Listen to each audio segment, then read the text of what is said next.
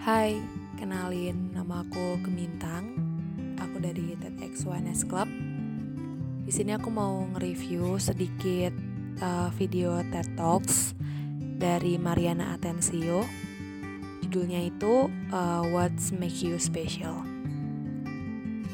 Jadi sering banget gak sih teman-teman di sini kayak ngerasa kita itu kayak gak layak buat kayak dicintai, dihargai, disukai atau seenggaknya kayak dianggap sebagai manusia gitu kan. Karena kita itu orang yang berbeda. Nah si Mariana ini tuh kayak uh, sharing pengalamannya dia tentang uh, kehidupannya dia selama ini. Dari dia kecil sampai akhirnya dia uh, remaja kemudian dia dewasa memilih sebagai seorang jurnalis buat kayak ngangkat perbedaan-perbedaan yang ada di dunia ini. Dan sampai sekarang dia jadi uh, orang yang terkenal akan um, menolak rasisme. Jadi Mariana ini adalah seorang jurnalis asal dari Spanyol.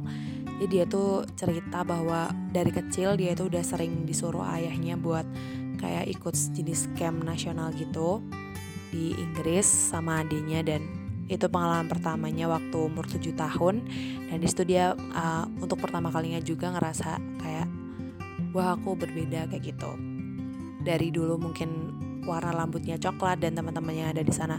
Warna rambutnya pirang kemudian matanya biru kemudian mereka nggak bisa bahasa Inggris. Dan ya dia ngerasa banget kayak seorang yang beda dan dilakukan diperlakukan berbeda kayak gitu sama orang-orang di sekitarnya.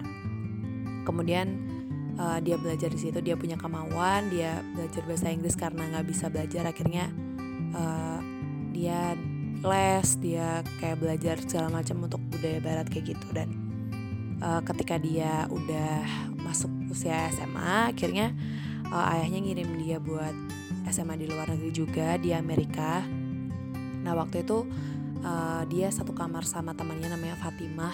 Dia muslim pakai kerudung. Dan dia memperlakukan Fatimah seakan-akan uh, Fatimah itu berbeda gitu.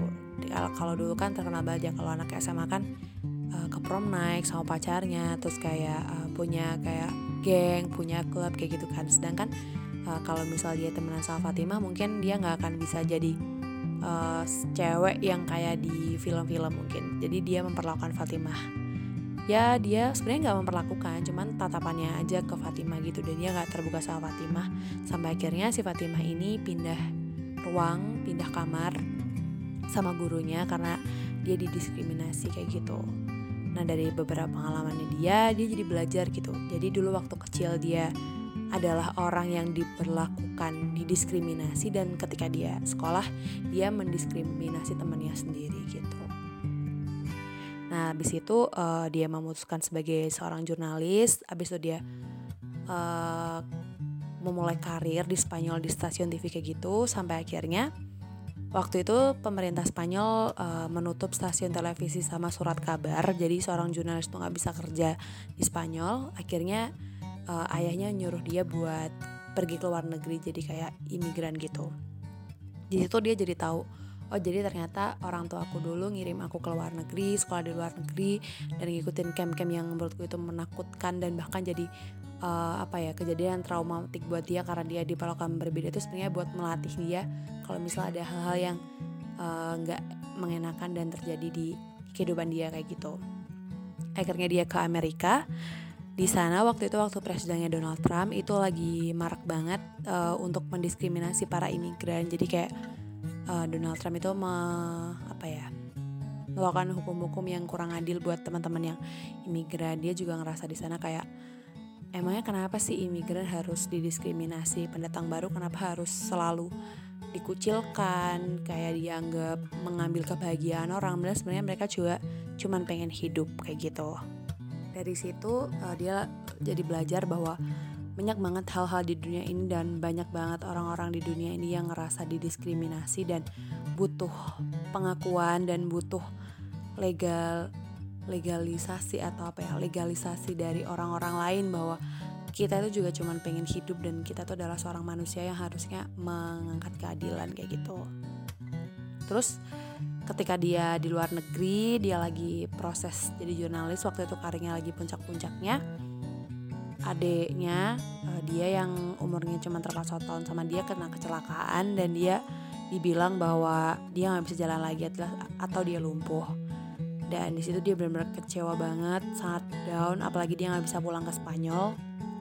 Dan waktu itu adanya malah apa ya nyemangatin si Mariana ini.